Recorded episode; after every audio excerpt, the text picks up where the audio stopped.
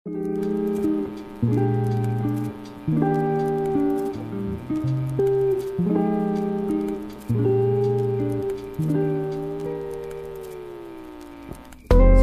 warahmatullahi wabarakatuh. Uh, kembali lagi di podcast Aceh Dokumentari. Kali ini kita akan bincang-bincang uh, tema tentang uh, cegah narkoba lawan corona.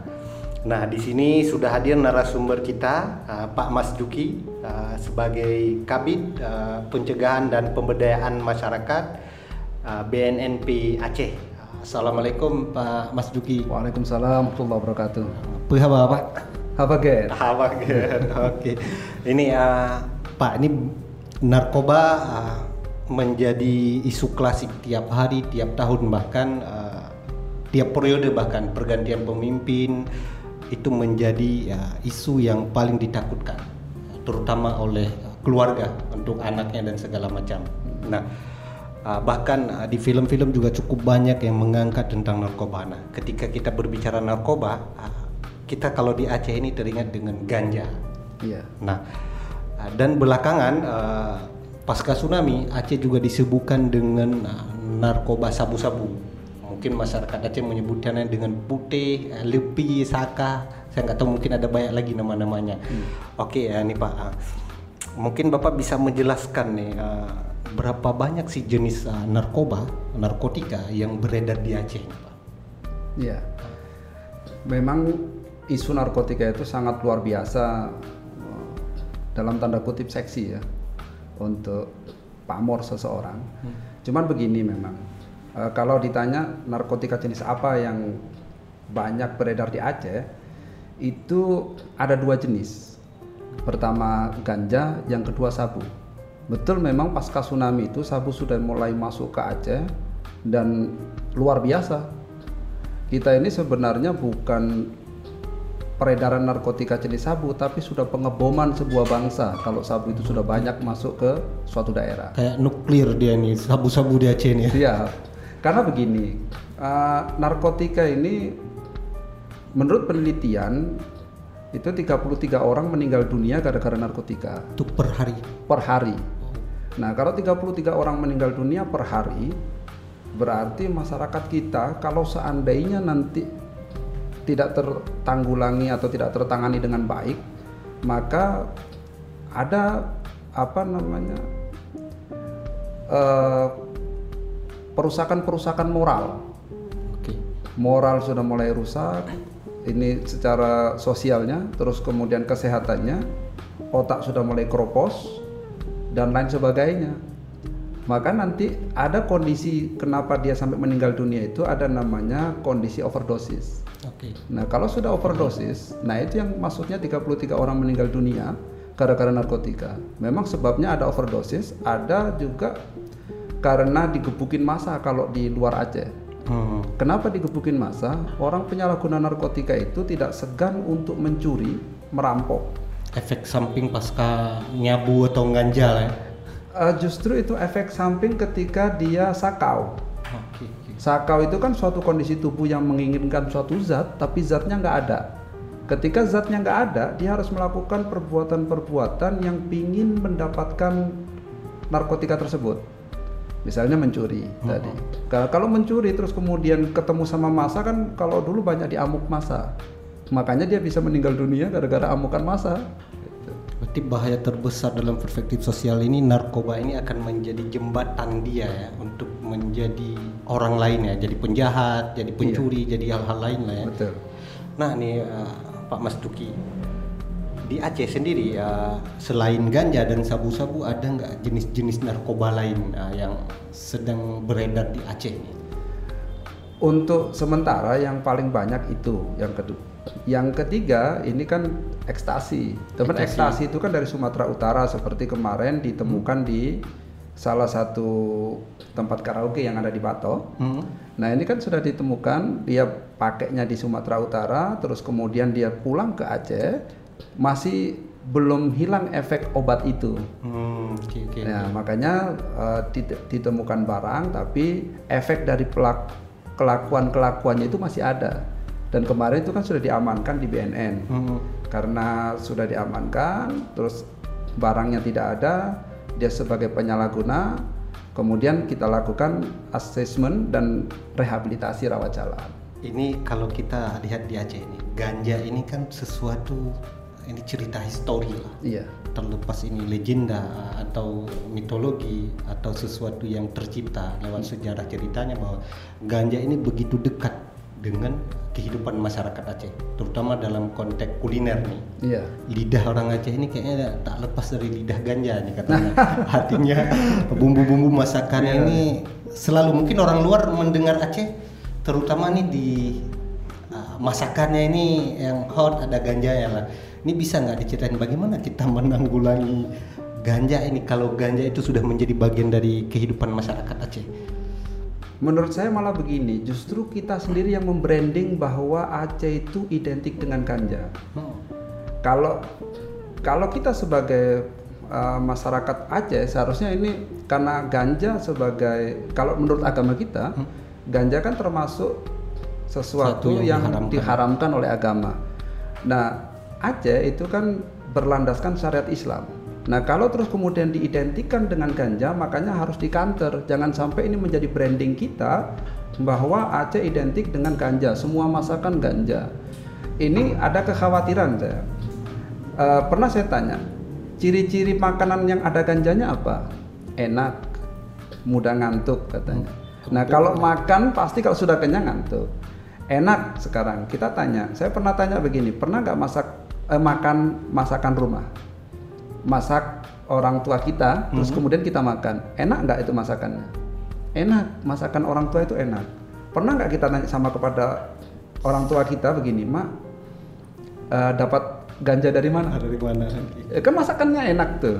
Nah artinya begini, coba sekarang mulai saat ini kita branding bahwa Aceh itu syariat Islam pertama. Yang kedua eh, Aceh identik dengan kopinya, atau seribu warkop, atau sejuta warung kopi misalnya. Nah ini harus kita branding tidak ada lagi ganja yang ada di Aceh.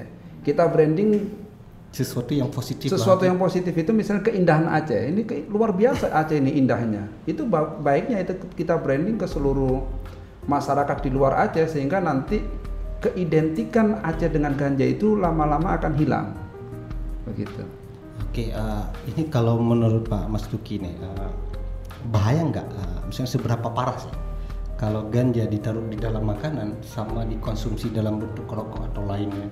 Iya karena memang penyalahgunaan ganja itu ada dua cara dengan dihisap dan ada yang dimakan Dimakan. Kalau dihisap itu kan asapnya itu langsung masuk ke otak. Ketika masuk ke otak maka mempengaruhi perilaku pemakainya. Ini saraf ya, sasarannya saraf ya. Karena dia yang diserang adalah sarafnya. Ketika masuk ke otak maka otak itu akan berlubang. Ada lubang-lubang yang, disebabkan oleh THC-nya di ganja itu ada namanya tetrahidrokannabinol dan itu merusak eh, jaringan otak. Ketika jaringannya itu sudah mulai rusak, maka saraf itu pasti akan menjadi putus. Ketika nanti saraf putus, ya tidak lain nanti kesempatan dia yang paling baik itu di rumah sakit jiwa. Kalau bahasa Aceh itu udah hang. Udah hang. Jadi makanya nanti kesempatan dia yang paling bagus itu dia rumah sakit jiwa. Kesempatan yang paling bagus. Kalau enggak ya dia jalan-jalan. Ini kalau di makanan Kalau di, di- sama. nah kalau di makanan itu ada dia bercampur dengan air. Mm-mm. Terus kemudian masuk ke lambung difilter, difilter oleh ginjal. Dan ginjal kita itu kan luar biasa filternya. Iya iya. ah. Sehingga kalau eh, dimakan maka BNN bisa membedakan itu disalahgunakan dibentuk hisap atau Itu bisa ketahuan makan ya. ya. Karena orang nggak bisa nanti kalau sekarang kan banyak pemuda-pemuda ketika di tes urin kedapatan positif ganja loh Pak baru saja makan kuah belangong. nah ini kan persoalan jangan sampai itu menjadi kambing hitam kuah belangong ini. Oke oke. Jadi kan kuliner Aceh yang yang andalan menurut saya ini andalan kuliner Aceh jangan sampai nanti ternodai gara-gara enaknya kuah belangong gara-gara Ganja. Nggak ada ganja pun kuah belangong tetap enak. enak. Oke, Iya. oke. Artinya jangan sampai gara-gara sesuatu itu bisa mengefek kepada pendapatan ekonomi masyarakat lah. ya. Iya. betul. Artinya ganja ini juga walaupun menjadi kebudayaan itu adalah kebudayaan yang kalau bahasa kita apa ya, disugestikan. Iya. Artinya Aceh nggak kayak gitu-gitu juga. Nggak kayak gitu. Oke Pak, ini kita kembali ke sabu-sabu. Iya. Nah, sabu-sabu pasca tsunami, ya, saya lihat ini banyak begitu mudah masuk ke Aceh. Itu kan sebagaimana kata Pak Mas juga kayak bom waktu bom nuklir lah. Iya. Itu kok bisa nih di, di, di Aceh?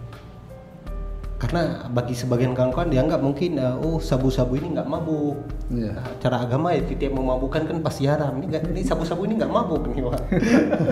ini kok bisa nih? Bagaimana nih efeknya di di, di sabu-sabu sendiri nih Betul. bagi si pemakai? Sebenarnya sabu itu juga mabuk, mempengaruhi perilaku, menurunkan kesadaran. Nah, menurunkan kesadaran itu kan Ya itu Def- defini- definisi lain mabuk, Mabuk, ya. Kalau sudah turun kesadaran dan melakukan kegiatan-kegiatan di luar kontrol otak manusia, maka itu juga mabuk. Nah, ada kekhawatiran begini, yang memabukkan itu kan minuman, khomer. Khamar. Iya. Jadi kan khomer itu minuman, sedangkan sabu itu kan bukan minuman. Bahasanya nanti begitu. Tetapi paling tidak begini, kalau uh, dikiaskan yang setiap memabukkan adalah haram, maka sabu juga haram. Haram, nah. Kenapa? Karena itu di- dikiaskan gitu. Cuman begini maksud saya, kenapa sih kok sabu itu masuk gampang ke Aceh?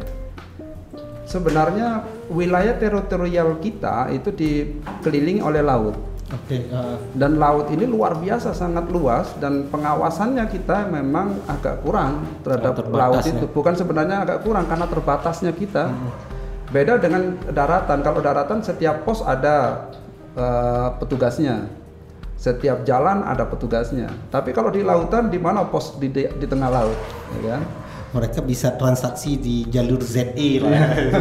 jalur neraca. Ya. Tapi eh, ini jumlah sabu-sabu ini, apakah Aceh ini jadi sebuah tempat transit? Artinya ini kayak- beberapa tahun lalu ditemuin sampai 70 ton, malah ada yang lebih. Artinya ini kan gila nih peredaran di Aceh. Apakah Aceh ini sudah ditargetkan oleh oknum-oknum orang-orang yang ingin menghancurkan peradaban manusia? Ini tempat transit baru dikirim ke daerah-daerah lain di Indonesia? Kalau dulu sepertinya tempat transit, tapi kalau sekarang datang beredar juga keluar juga. Artinya apa? Kalau cuma hanya transit udah nggak beredar di Aceh, tapi kenyataannya sudah beredar di Aceh juga. Dan sekarang begini, kita lihat karakter pemuda kita yang ada di Aceh dulu dan sekarang coba kita bandingkan. Hmm. Sekarang sifat kecurigaan kita terhadap orang luar itu luar biasa. Kalau dulu kita pemulia jameh, Hmm.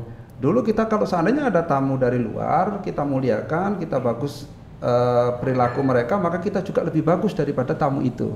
Nah sekarang bagaimana perilaku anak bangsa, khususnya di Aceh? Contoh sekarang di warung kopi.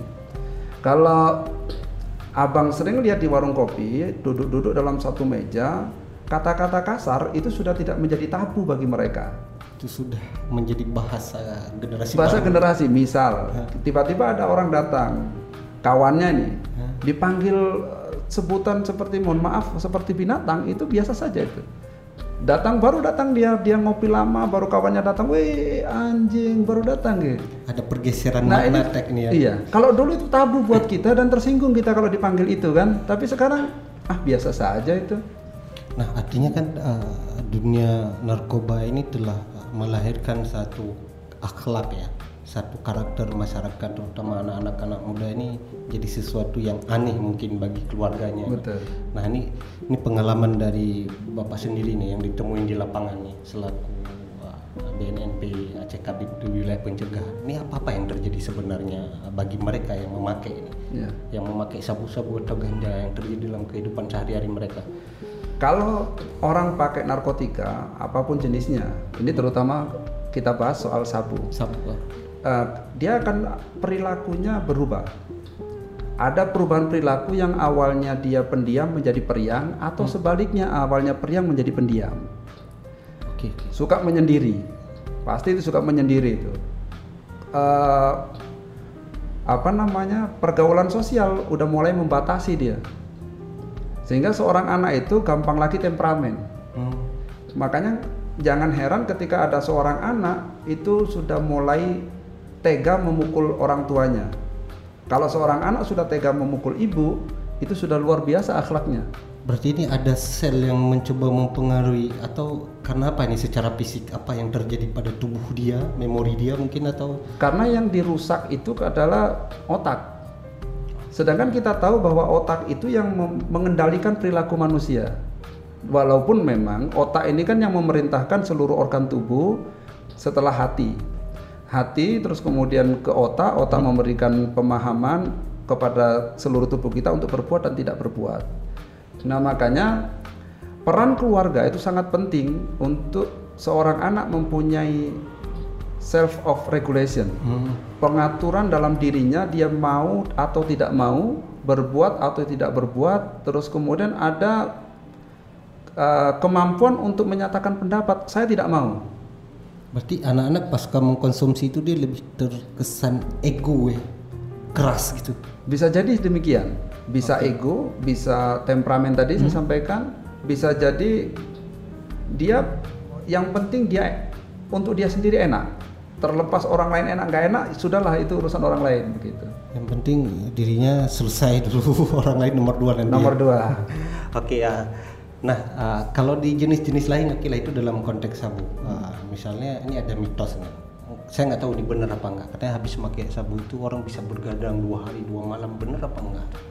Kalau itu ya, itu efek penyalahgunaan sabu, dia pakai, makanya dia perubahan pola tidur nanti. Oke. Ketika dia sudah begadang satu hari satu malam, setelah efeknya hilang, maka dia bisa tidur dua malam. Itu, Nah. itu itu pasti berpengaruh nggak terhadap tubuhnya kalau dia nggak tidur tidur seharian tuh? Ya karena dia pengaruh obat, karena dia pengaruh narkotika. begitu itu hilang. Kalau itu hilang udah tenaganya nggak seperti baterai udah habis sudah itu. Oh, Oke, artinya dia akan tergantung hidupnya pada sabu-sabu terus ya. Iya demikian yang yang terjadi pasti itu.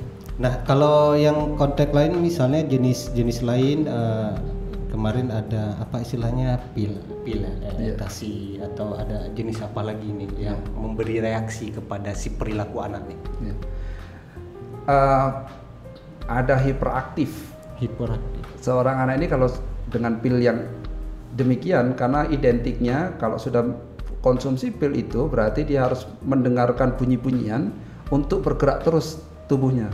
Oke. oke. Dan biasanya kalau tidak ada banyak air di situ akan menjadi dehidrasi. Nah, dehidrasi seorang seseorang manusia ini kan di dalam tubuh ini 70% air. Hmm.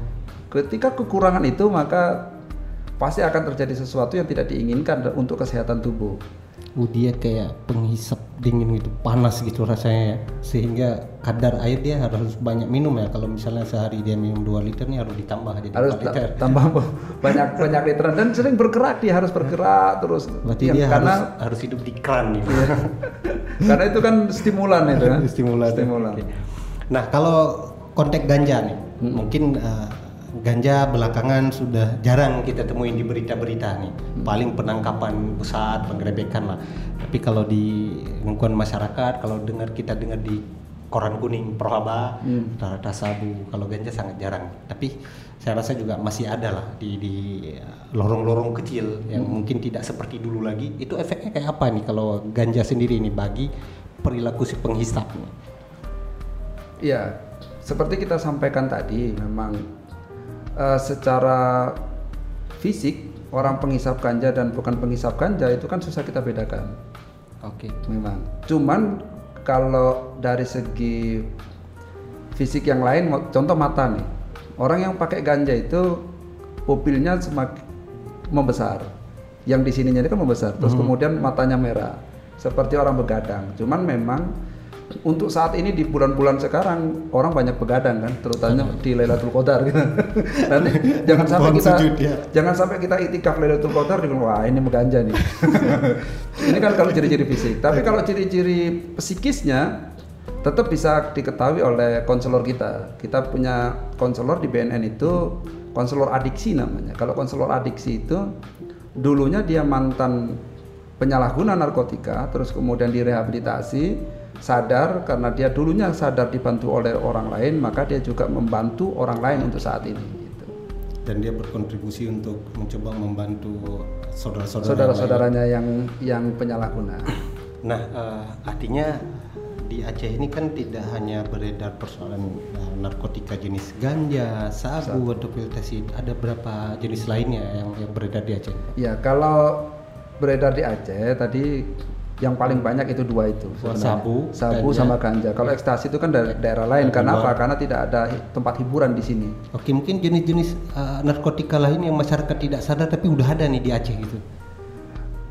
Ada narkotika golongan dua. Itu morfin. Morfin. Nah morfin itu kan digunakan untuk anestesi kesehatan. kesehatan. Nah, kalau untuk anestesi itu tidak diper, tidak melanggar hukum. Kenapa? Karena dalam pengawasan dokter. Nah, makanya ini narkotika sebenarnya untuk narkotika jenis tertentu itu harus disediakan oleh negara. Bahkan negara harus menjamin adanya narkotika jenis tertentu itu. Makanya narkotika sebenarnya kalau dipergunakan sesuai dengan peruntukannya dan sesuai dengan undang-undang itu tidak dikatakan perbuatan melawan hukum, tapi memang dalam hal pengawasan dokter demi kepentingan medis gitu. Ya, artinya penggunaannya kan untuk pengobatan ya. Betul.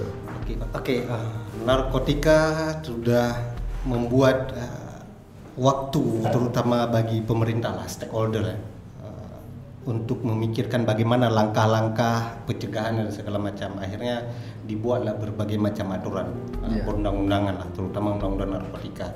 Nah, sekarang undang-undang narkotika untuk pencegahannya ini seperti apa? Ya. Kalau di narkotika ini kan diatur oleh Undang-Undang 35 tahun 2009, 2009 tentang narkotika. Itu undang-undang terbaru lah ya. Iya, undang-undang terbaru di narkotika. Di narkotika. Jadi Undang-Undang 35 tahun 2009 tentang narkotika itu juga menghendaki masyarakat ikut terlibat di situ. Hmm. Makanya diatur dalam 104 sampai 107 itu mengatur keterlibatan masyarakat untuk melakukan pencegahan di bidang narkotika. Baik itu sosialisasi, terus kemudian mencegah kawannya, memberikan informasi. Nah, ini udah diatur dalam undang-undang. Nah, di undang-undang itu sendiri boleh melaporkan kalau seandainya dirinya sendiri penyalahguna narkotika. Terus kemudian dia melaporkan diri kepada IPWL atau BNN. Nah ini kan diberikan kesempatan ini termasuk dari pencegahan. Nah pencegahan itu bukan berarti yang belum pakai terus kemudian kita sosialisasi. Bagaimana yang sudah pakai, gitu kan? Hmm. Karena pendekatan penanganan narkotika itu kan ada dua, ada demand reduction sama supply reduction. Nah demand reduction itu kan mengurangi permintaan. Untuk mengurangi permintaan, bagaimana yang sudah terlanjur pakai? Yang sudah terlanjur pakai di Undang-Undang 35 tahun 2009 tentang narkotika itu diatur di pasal 54. Dia pecandu, penyalahguna, wajib hukumnya direhabilitasi. Oke, dia nggak ditahan di rehab aja berarti? Iya, dia direhab. Syaratnya apa? Berarti kan ada syarat, bukan berarti penyalahguna cuma direhab. Oke. Akhirnya kan ada syaratnya di pasal 128 hmm. itu disebutkan pecandu, penyalahguna yang belum cukup umur dilaporkan oleh orang tua atau walinya tidak dituntut pidana. Kalau bapak-bapak harus dituntut Nah, kalau yang sudah cukup umur berarti melaporkan dirinya sendiri. Oh, Oke, ini nah, ada garansi lah karena dia iya, lapor lah. Dia lapor. Nah, kalau lapor berarti nanti itu di assessment baik lapor ke BNN atau ke IPWL, institusi penerima wajib lapor. Nah, kalau ke BNN itu kan di assessment dia nanti rawat inap atau rawat jalan. Kalau dirawat inap, itu kan nanti kita rujuk kepada balai-balai rehab punya BNN. Hmm. Yang kalau dia punya BNN itu kan di di, di Serdang, di Lido Bogor, kalau Batam. Di Aceh? Kalau di Aceh belum punya BNN balai rehab rawat inap. Kalau di Aceh itu ada di rumah sakit jiwa, ada rumah harapan. Hmm, di lorong kakak. Ya, itu ada berapa bed kalau nggak salah 30 bed lah untuk sekarang. Kenapa Cuman, nih di Aceh belum ada rumah rehab apa belum parah kayak daerah lain? Aceh ini parah sebenarnya, cuman uh, ya paling tidak mungkin ada beberapa hal yang dipikirkan oleh pemerintah apa yang didulukan dalam skala prioritas. Ya. Tapi paling tidak kita tetap berusaha sekalipun tidak ada rawat inap di BNN Provinsi Aceh, kita tetap uh, lakukan rekomendasi ke balai rehab yang terdekat, misalnya di Dili Serdang di Sumatera Utara. Dan di Aceh juga punya juga rumah-rumah rehab ya. Nah di Aceh rumah-rumah ah, rumah-rumah rehab udah banyak. Ya, yang yang ada di Aceh sudah mulai terbuka lah atau apa namanya uh, nuraninya udah mulai banyak juga lembaga-lembaga swadaya masyarakat ah, yang udah mulai membuka diri itu, ya. untuk membantu saudara-saudaranya dengan membuka panti rehab itu. Nah kalau dilihat di Undang-Undang 2009 itu tentang narkotika, artinya keterlibatan masyarakat ini ya akan memudahkan uh, proses pencegahan. Artinya ini kan struktur pemerintahan ini kan sampai ke tingkat desa. Iya. Nah problem-problem narkoba ini kan oknum-oknum yang pemakainya ini penyalahgunaan rata-rata kan di tingkat desa nih. Iya. Artinya ini akan mempermudah mempermudah kita keluar dari situasi yang paling sulit ini lah. Nah, ini bagaimana nih uh, treatmentnya uh, desa untuk ikut terlibat dalam proses pencegahan ini terutama terkait dengan Undang-Undang 2009 ini tentang narkotika. Iya. Jadi begini memang untuk penanganan narkotika kalau cuma dibebankan kepada BNN saja saya yakin mustahil. Kenapa? Karena BNN ini cuma hanya satu lembaga yang ditanganin seluruh masyarakat gitu kan. Jadi harus ada keterlibatan semua stakeholder baik itu BNN, Polri, Kejaksaan, Kemenkumham terutama, terus kehakiman dan pemerintah daerah. Artinya seluruh stakeholder lah, kementerian, lembaga dan Pemda.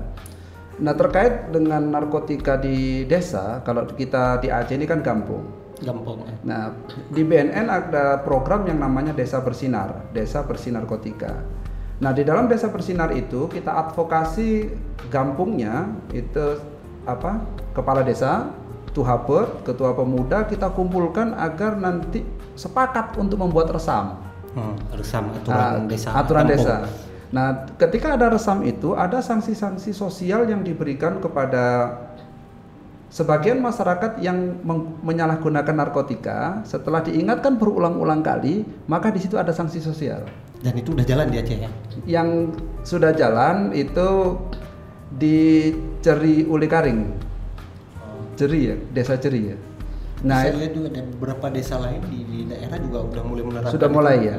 Di alhamdulillah mudah-mudahan nanti setiap desa itu punya resam gampang sanksi sosial misalnya tidak mau keluarkan KTP misalnya Nah, itu sudah dibolehkan nah, kan? Terus Bisa buat kode etik. Ah, kode. Satu lagi misalnya kalau sudah diingatkan berulang kali tidak melakukan atau tidak mengindahkan itu setiap ada kenduri di keluarganya, setiap pemuda nggak ada yang mau datang di kenduri itu misalnya. Oke, sanksi sosial. Ini sanksi sosial itu sakitnya tuh di sini loh. Di luar biasa ini. Biasanya kan kalau di kita itu uh, misalnya ada pesta nih. Kalau yeah. saya nggak pernah ngadirin perkawinan si A, hmm. kalau saya kawin anak muda itu boykot. Nggak mau datang. Nggak mau datang. Ini berarti yang nisab ganja ini harus diboykot. Nah, ya? gimana kalau itu diboykot misalnya? Kalau seandainya ada uh, meninggal dunia keluarganya, ya fardu kifayahnya kita laksanakan misalnya, hmm. terus yang lainnya kita nggak datang, pasti dia juga, wah ini gawat ini kalau seandainya masyarakat nggak open dengan kita. Nah dia kan akan berubah demikian. Yang menarik tuh artinya budaya juga harus dirangkul. Dirangkul. Nah itu ya. itu terkait dengan resam. resam. Terus kemudian kita uh, kita advokasi lagi agar di setiap desa itu ada relawan. Nah relawan dan penggiat itu kita ibaratkan menjadi page gampung. Nah hmm. nanti bagaimana pemuda kampung, masyarakat kampung mem memproteksi kampungnya agar tidak ada penyalahguna masuk kampungnya. Okay. Kenapa demikian? Saya yakin setiap kampung pingin kampungnya aman. Kalau ada penyalahguna narkotika di satu kampung, yakinlah pasti ada banyak pencurian di situ. Yang tadi saya sampaikan tadi, kalau sudah orang sakau, dia akan mencuri. Karena kebutuhan itu. Kebutuhan ya. itu. Jadi moralnya udah hilang, dia mau tak mau nggak mau peduli. Dia Wah, mau ditangkap, mau, mau apain, mau dipukul, yang penting dia harus pakai. Sebegitu parahnya. Luar biasa itu. Nah ini ya dalam undang-undang itu ini belakangan ya hmm. sangat marak terutama di Aceh lah. Uh, juga sempat ada diskusi besar kita hmm. terkait uh, manfaat ganja nih. Hmm. Ini dalam konteks ganja. Bahkan secara nasional lah ada uh, LGN ya, lembaga hmm.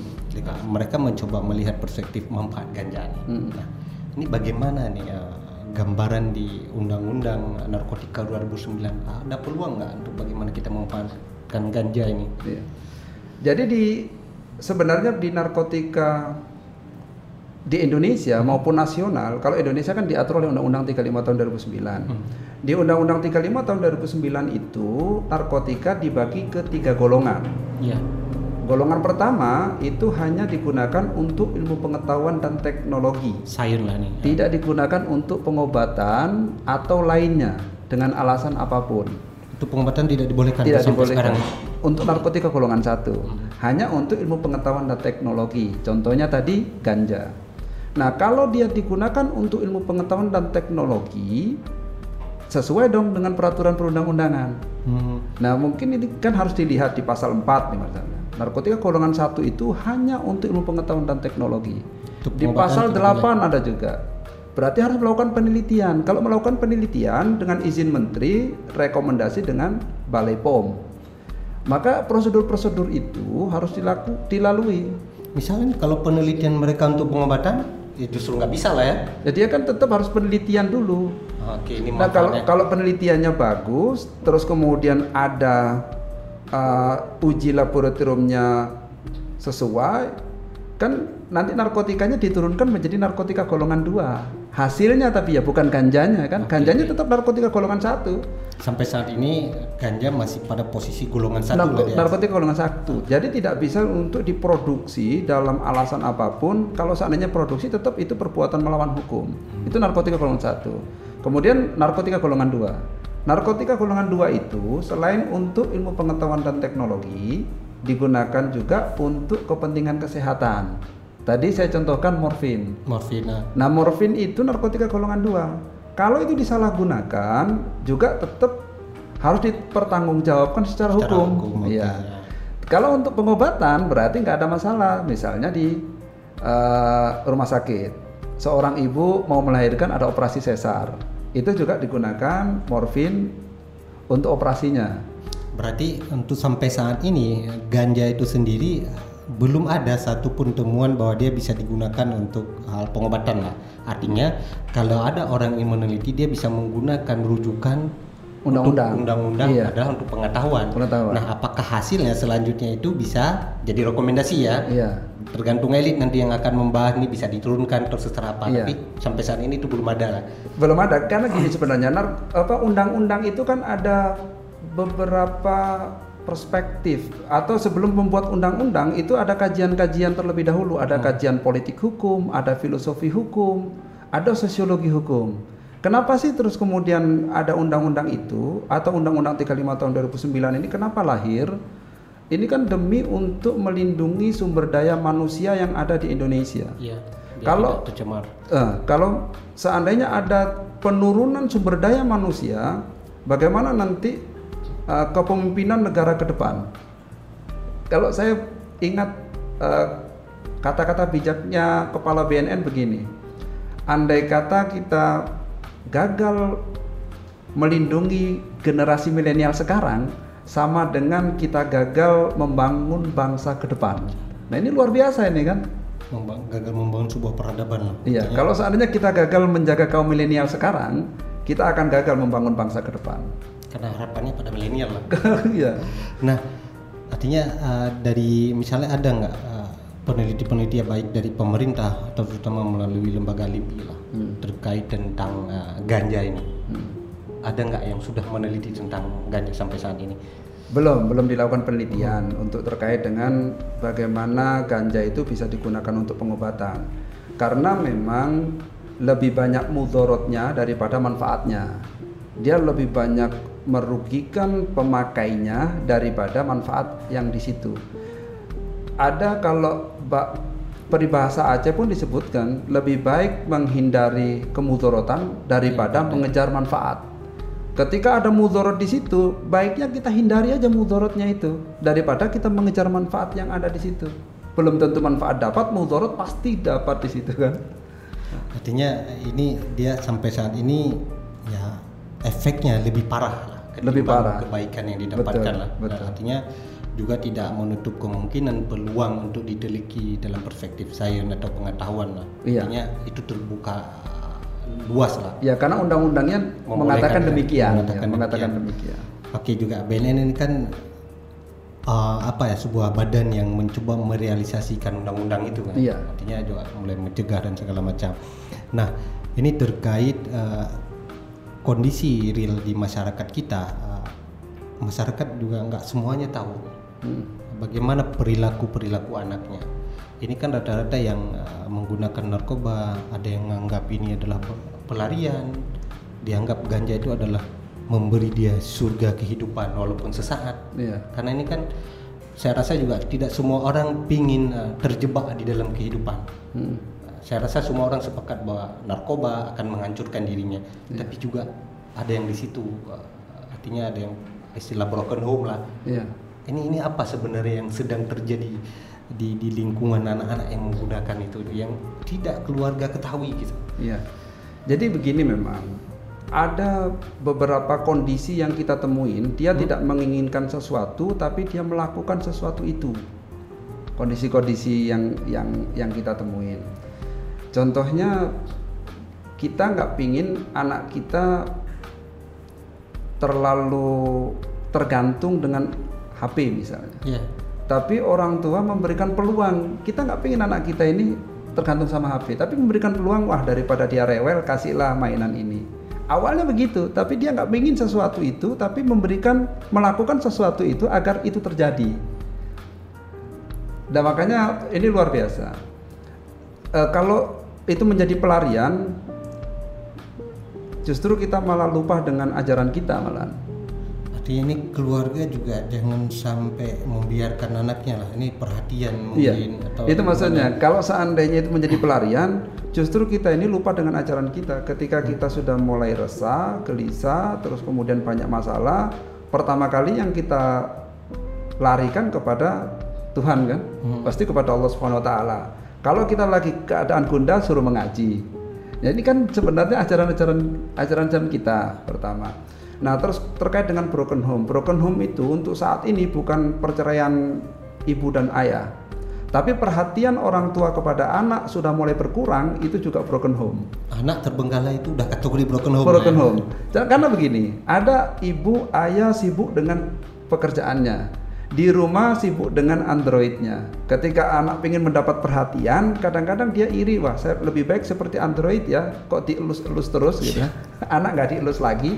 Nah ini kan bagi bagi kita untuk sekarang itu adalah broken home. Kenapa? Akhirnya anak akan mencari tempat lain yang lebih nyaman buat dia. Gitu. Artinya ini problem besar nih. Kadang-kadang keluarga lupa. Artinya anak-anak yang eh, walaupun dia dididik secara struktur moral yang lebih bagus, tapi ada sesuatu yang ya itu namanya namanya apa namanya perhatian yang kurang pasti akan menjerumuskan dia ke sana ya terlepas nanti ada faktor lingkungan lagi kawan dan segala macam Iya. Nah, artinya ini apa yang harus dilakukan oleh sebuah keluarga nih untuk uh, mengontrol anaknya, memberikan subsidi pengetahuan moral dan sebagainya. Keluarga itu bagi saya benteng utama untuk daya tangkal seorang anak dari penyalahgunaan narkotika. Itu keluarga. Kenapa dulu syairnya Imam Syafi'i itu disebutkan al-um madrasatul ula sama al-um ustadzatul ula. Nah, artinya apa? Seorang ibu itu sekolah pertama bagi anak dan guru pertama bagi anaknya. Ketika itu sudah mulai tertata, terus terpatri dalam hatinya, tersugesti kepada diri, kepada dirinya untuk berbuat sesuatu yang dulu diajarkan oleh keluarga. Dulu kalau masih ingat, dulu masih muda-muda kita, ketika mas mau tidur itu pasti ada orang tua menceritakan Mendongeng dongeng sesuatu. dongeng sesuatu sama kita kan. Nah makanya ikatan batin kita dengan orang tua itu luar biasa. Ada dongeng-dongeng tentang cerita bijak, cerita-cerita Rasul. Secara tidak langsung kita tersugesti di alam bawah sadar kita untuk melakukan perbuatan seperti cerita yang ada di situ. Sekarang udah dongeng sama Android, Pak. Dulu kan ada cerita Luqmanul Hakim misalnya. Sekarang ceritanya apa? Kancil mencuri timun misalnya. Sekarang Android yang mendongeng yang mendongengkan kepada anaknya. Ini ini kan ada pergeseran. Sebenarnya kalau setiap keluarga memberikan perhatian khusus terhadap anak, maka anak tidak akan mencari perhatian di tempat lain. Maka keluarga itu adalah benteng, benteng utama. Terlepas nanti dia du- turun ke lingkungan karena dibentengin pertama oleh keluarga keluarganya, maka lingkungan itu akan diwarnai oleh dia. Dia tidak akan mudah terwarnai oleh lingkungan, maka lingkungan sendiri itu yang akan diwarnai oleh perilaku dia yang bagus itu. Oke nih Pak Mas Duki. Hmm. Ini agak-agak pribadi nih. Eh, Iya. ini Pak Maduki kan udah lama juga nih di BBNP Aceh lah. Ya di BNNP. BBNP. Kewalahan nggak sih mengatasi pencegahan narkoba ini khususnya di Aceh lah? Iya. Kalau persoalan kewalahan iya. Tapi kalau proses ibadah tetap dilakukan. Ini kan pekerja ini kan kita maknai sebagai ibadah. Oke. Okay, Ya, kalau kita sudah maknai ibadah walaupun kewalahan tetap harus kita kerjakan. Artinya ini kan nggak kunjung selesai tiap hari, tiap bulan, bahkan tiap tahun bertambah terus nih orang yang make. ya kalau kalau bertambah itu memang iya. Dalam penelitian terakhir kita ini sudah angka prevalensi penyalahgunaan narkotika di Aceh itu sudah bertambah. Dulu tahun 2017 penelitian kita peringkat 12. Peringkat 12. Iya. Sekarang di uh, tahun 2019 kita sudah peringkat ke-6 angka prevalensi. Berarti kan memang bertambah. Kalau ukuran bertambah iya. Tetapi paling tidak pencegahan itu tetap harus dilakukan. Karena memang apa? Setiap perbuatan-perbuatan yang maksiat itu selalu ada memang. Tapi bagaimana kita untuk mencegahnya itu? Karena apa? Setan juga nggak akan pernah istirahat kok. Sampai dunia ini kiamat juga nggak akan Gak ada istirahat kecuali Ramadan aja kan. Istirahatnya Ramadan. Setelah Ramadan lebih giat ya. Gitu. Balas dendam satu Balas dendam. nah, oke okay. ini, ini apa aja yang akan dilakukan sama uh, BNN Aceh lah ya. dalam hal untuk mencegah uh, narkotika di Aceh ini yang sudah dilakukan. Ada beberapa program yang sudah dilakukan oleh oleh BNN Provinsi Aceh. Hmm. Contohnya alternative development. Hmm. Di situ ada GDAD namanya, Grand Design Alternative Development. Hmm yang merubah mindset sebagian masyarakat yang dulunya menanam ganja dirubah menjadi petani karena Ini, kalau petani di, itu kan ya? Eh, dibina. Kalau petani itu kan uh, sesuatu yang bagus gitu kan. Kalau petani ganja lah, masa ganja kok jadi petani ya. jadi ganja itu kan penanam kita kita sebut sebagai penanam. Nah, ada perubahan-perubahan mindset. Kita geser lah paradigmanya. Kalau dulu ganja untuk meningkatkan taraf ekonomi, maka kita berikan tanaman pengganti yang juga tidak kalah ekonominya, misalnya tanam jagung. Nah untuk saat ini kan kita ada pilot projectnya di Aceh Besar, Biren sama Kayu Lues. Nah ini sudah mulai orang menanam jagung dan terkikis tanaman ganja. Yang menanam ganja pasti sedikit itu orangnya. Dan juga nggak untung ya, saya rasa mereka harus dikejar-kejar petugas Kejar lagi. petugas keamanan terus iya. juga mereka ngirimnya juga susah iya. artinya pendapatannya juga nggak seimbang nggak seimbang. Saya khawatirnya begini nanti masyarakat saya miris kalau seandainya dikatakan masyarakat Aceh itu identik dengan ganja. Berapa luas ke kebun itu yang tanam berapa orang sih? Saya yakin tidak semua masyarakat Aceh yang tanam. Paling satu atau dua. Nah satu atau dua itu jangan sampai gara-gara nila setitik rusak susu sebelanga Nah ini kan jangan sampai itu, makanya kita coba lah branding yang yang positif. Alamnya, yang tadi saya sampaikan alamnya, syarat Islamnya, warung kopinya, ramah tamanya orang Aceh dan seterusnya. Sesuatu yang positif ayo kita branding lagi daripada kita membranding ganja. Gitu kalau ini problemnya adalah ekonomi masih banyak peluang lain lah untuk kita bisa menghasilkan uang banyak lah. Betul. Artinya ganja ini lebih menakutkan, petugas dan segala macam lah. Jangan sampai kita konsentrasi dalam satu pintu yang sudah tertutup, ada pintu lain yang terbuka, kita nggak lewat di situ gitu. Kita itu aja yang kita otak-atik pintu itu, padahal pintu lain terbuka kita nggak lewat ke situ coba. Karena hayalannya tinggi di Hayal. situ, tapi kenyataannya nggak ada. Nah, terlalu orang kita ini terlalu iya. banyak khayalan. Itu yang yang pertama. Ada lagi tadi saya sampaikan ada program Desa Bersinar. Hmm. Desa Bersinar itu kita harapkan seluruh desa yang ada di Aceh itu punya resam, punya peraturan kampung, terus punya relawan, punya mensisihkan anggaran alokasi dana kampung itu untuk kegiatan-kegiatan kampanye stop narkoba. Kenapa? Agar nanti pemuda-pemuda itu lebih masif diberikan pemahaman terhadap bahaya narkotika itu. Oke ya, Pak uh, apa namanya cegah narkoba lawan corona. Saya nggak tahu bagaimana ini perasaan atau kondisi si pemakai ini di tengah corona. Hmm. Ini pekerjaan yang susah segala macam. Akhirnya ini adalah ujian yang sangat berat bagi mereka. Nah, BNN sendiri apa yang dilakukan di tengah ini COVID? Kita kan nggak bisa turun ke lapangan. Iya, iya. saya rasa juga begitu mereka yang dulu takut lah banyak petugas yang turun ke, ke lapangan mengontrol mereka nah sekarang ini terbatas Hmm. karena persoalan tengah corona ini ini apa yang dilakukan di tengah corona untuk terus melakukan pencegahan dan uh, apa namanya pendampingan terhadap masyarakat Ya. Di situasi yang seperti ini karena memang kita sudah dihimbau oleh BNN pusat Hmm. untuk tidak menghadirkan masa yang besar untuk sosialisasi tetap muka. Sehingga BNN Provinsi Aceh melakukan sosialisasi melalui mobil menyapa keliling di seputaran Banda Aceh dan Aceh Besar. Dan BNNK Kabupaten- BNNK BNNK atau BNN Kabupaten Kota yang ada di Provinsi Aceh itu juga melakukan hal yang sama.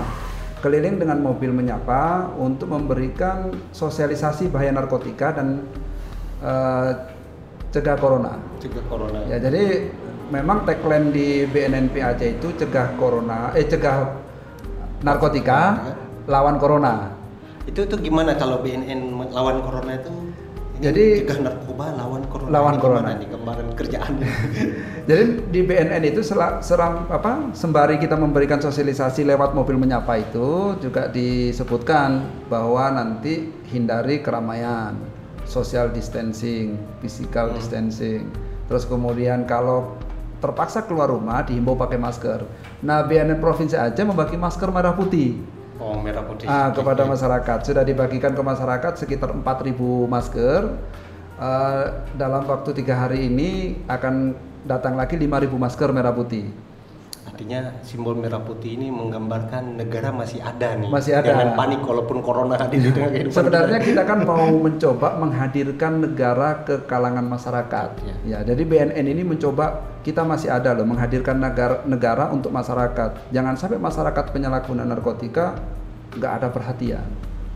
Walaupun tengah covid ini kita jangan menganggap berarti lembaga-lembaga negara banyak yang vakum. Tidak juga. Tidak, masih tetap jalan. Nanti kolaps lah negara kalau seandainya ada beberapa instansi nggak mau ikut, nggak mau melaksanakan kegiatan. Itu yang pertama untuk mobil menyapa. Terus ada sosialisasi kita ada melalui Instagram secara live memberikan sosialisasi terhadap penyalahgunaan narkotika atau bahaya narkotika Itu melalui medsos. melalui medsos. Terus kemudian ada beberapa tagline-tagline yang kita berikan di medsos itu juga. Kenapa? Untuk mengingatkan itu kan sederhana, nggak perlu wah untuk mengingatkan. Yang penting mengenah pesannya kepada masyarakat. Nah ini saya dengar-dengar juga ini uh, BNNPAC ini membuat festival film juga nih, Pak. Wah ya. Jadi kita mau mencoba kreativitas-kreativitas anak muda, terutama pelajar, untuk mengaktualisasikan pemikirannya bagaimana sih kampanye stop narkoba itu melalui film. Jadi di tengah covid ini lah di ya. tengah covid ini melalui film nanti bisa jadi tadi pembicaraan kita ter- terkait pergeseran masyarakat dari dulunya atau merubah merubah identiknya Aceh dengan ganja kita rubah menjadi identik lain yang Tapi, positif Pak, dan diceritain dulu Pak. Iya, iya. Nanti kawan-kawan bisa lihat di Instagram ya. Betul, Instagram betul, betul. BNN ada info BNN Pro Aceh at uh, P2M BNP BNN PAC. Iya. Itu bisa dilihat nanti ya. jadi diikuti nanti bisa ya. bisa lihat di Instagram BNN Aceh lah Oke, oke. daripada dia di rumah sendiri apa nggak ngapa-ngapain bisa apa dia biar lakukan kreativitasnya Hmm. untuk menghayal membuat film apa yang cocok untuk Tapi untuk jelasnya mereka ngikutin Instagram ya. Kita nggak ngebocorin di sini ya. Oke kawan-kawan. Oke ini kembali ke diskusi kita nih Pak Mas Duki. Ini apa nih eh, harapan sendiri bagi eh, BBNP lah, terutama di bidang Bapak nih, Kabit pencegahan dan pemberdayaan masyarakat untuk eh, bagi masyarakat Aceh sendiri, terus terutama ini bagi pengguna nih, untuk ya, mereka masih bisa kembali lah. Iya. Artinya mereka belum terjebak jauh, terutama juga bagi pengguna, masyarakat, keluarganya dan bagi pemerintah khususnya secara umum. Ya. Kalau harapan kita misalnya dari pertama dari instansi, instansi akan tetap melaksanakan kegiatan-kegiatan yang berupaya untuk menyelamatkan anak bangsa dari penyalahgunaan narkotika. Harapan untuk masyarakat, masyarakat biar ikut terlibat, berperan aktif dalam melakukan pencegahan. Contoh di desa itu ada yang tadi saya sampaikan ikut berperan mulai dari kepala desa, Tuhapet, Tuhalapan kalau ada, ada ketua pemuda, Karang Taruna bersatu dengan Babinsa Babin Kamtipmas untuk mengamankan kampungnya dari serangan penyalahgunaan narkotika. Di desa terus kemudian kita kita skupkan lebih kecil lagi di keluarga. Dan mudah-mudahan keluarga itu memberikan pemahaman kepada anaknya atau paling tidak memberikan perhatian khusus lah terhadap anak biar anak itu nyaman di rumahnya daripada dia nyaman di tempat lain itu harapan hmm. kita. Untuk penyalahguna narkotika yang sudah terlanjur pakai itu diharapkan untuk lapor ke BNN atau ke IPWR. Kenapa? Kalau sudah melaporkan diri ke BNN itu tidak diproses hukum, nanti akan dilakukan rehabilitasi. Atau nah, akan dibantu nih. Akan dibantu. Keluar. Makanya gini, saya bilang kalau uh, lagu itu kan rocker juga manusia, kalau ini penyalahguna narkotika juga manusia. Kita coba memanusiakan penyalahguna narkotika dengan cara melaporkan diri. Tapi kalau sudah ditangkap, itu, itu akan akan diproses hukum tetap gitu. Ini sebelum terlanjur diproses hukum masih ada peluang mereka bisa datang sendiri ke BNN betul. dan bisa dibantu untuk bisa keluar dari itu ya. Iya. Terus yang untuk uh, stakeholder pemerintah artinya ini kan BUMN juga tidak bisa kerja sendiri. Ya. Dia butuh juga mitra-mitra dari pemerintah daerah, kabupaten atau desa yang disebutkan tadi. Baik, kalau itu memang kita harus bersinergi dengan stakeholder yang lain dan kita sudah ada payung hukumnya melalui Impres nomor 2 tahun hmm. 2020 tentang rencana aksi nasional. Oke, itu nomor Impres terbaru. Iya, jadi Impres nomor 2 tahun 2020 tentang rencana aksi nasional hmm. pencegahan penyalahgunaan dan peredaran gelap narkotika dan prekursor narkotika. Nah, terlibat di dalamnya itu ada Pemda. Pemda lebih aktif memberikan sosialisasi, kampanye stop narkoba, tes urin, screening tes bagi ASN. Nah, ini ini salah satu aturan yang memayungi kita untuk berbuat lebih banyak dalam kampanye stop narkoba itu untuk menjadi satu kesatuan lah ya. Nah, mudah-mudahan dengan lahirnya Impres ini kita menjadi lebih giat untuk kampanye stop narkoba. Oke, uh, terima kasih banyak Pak Mas Duki yang sudah hadir di studio kami. Sama-sama. Oke, semoga apa yang sudah dilakukan ini terus bisa memberikan perubahan, terutama narkoba ini harus benar-benar hilang dari Serambi Mekah jangan sampai Amin. jadi Serambi narkoba nanti. Nauzubillah Oke ya, kepada kawan-kawan semua, manusia diciptakan sebagai khalifah di atas bumi. Itu sebaik-baik makhluk yang diciptakan sama Tuhan. Kita bisa mengendalikan tubuh, jiwa dan pikiran kita untuk mengatur lingkungan sekitar. Dengan manusia, dengan lingkungan semacam. Tapi narkoba bisa mencabut kita hak atas tubuh kita untuk mengelola diri tubuh kita dan jiwa kita. Percaya dan tidak percaya itu yang terjadi para saudara-saudara kita yang sudah terjebak di sana ingin keluar tapi tidak bisa. Jangan pernah sekali-sekali mencoba di dunia narkoba karena dia akan mengambil hak penuh mengendalikan tubuh kita. Itu yang terjadi. Sekian dan terima kasih. Assalamualaikum warahmatullahi wabarakatuh. Waalaikumsalam.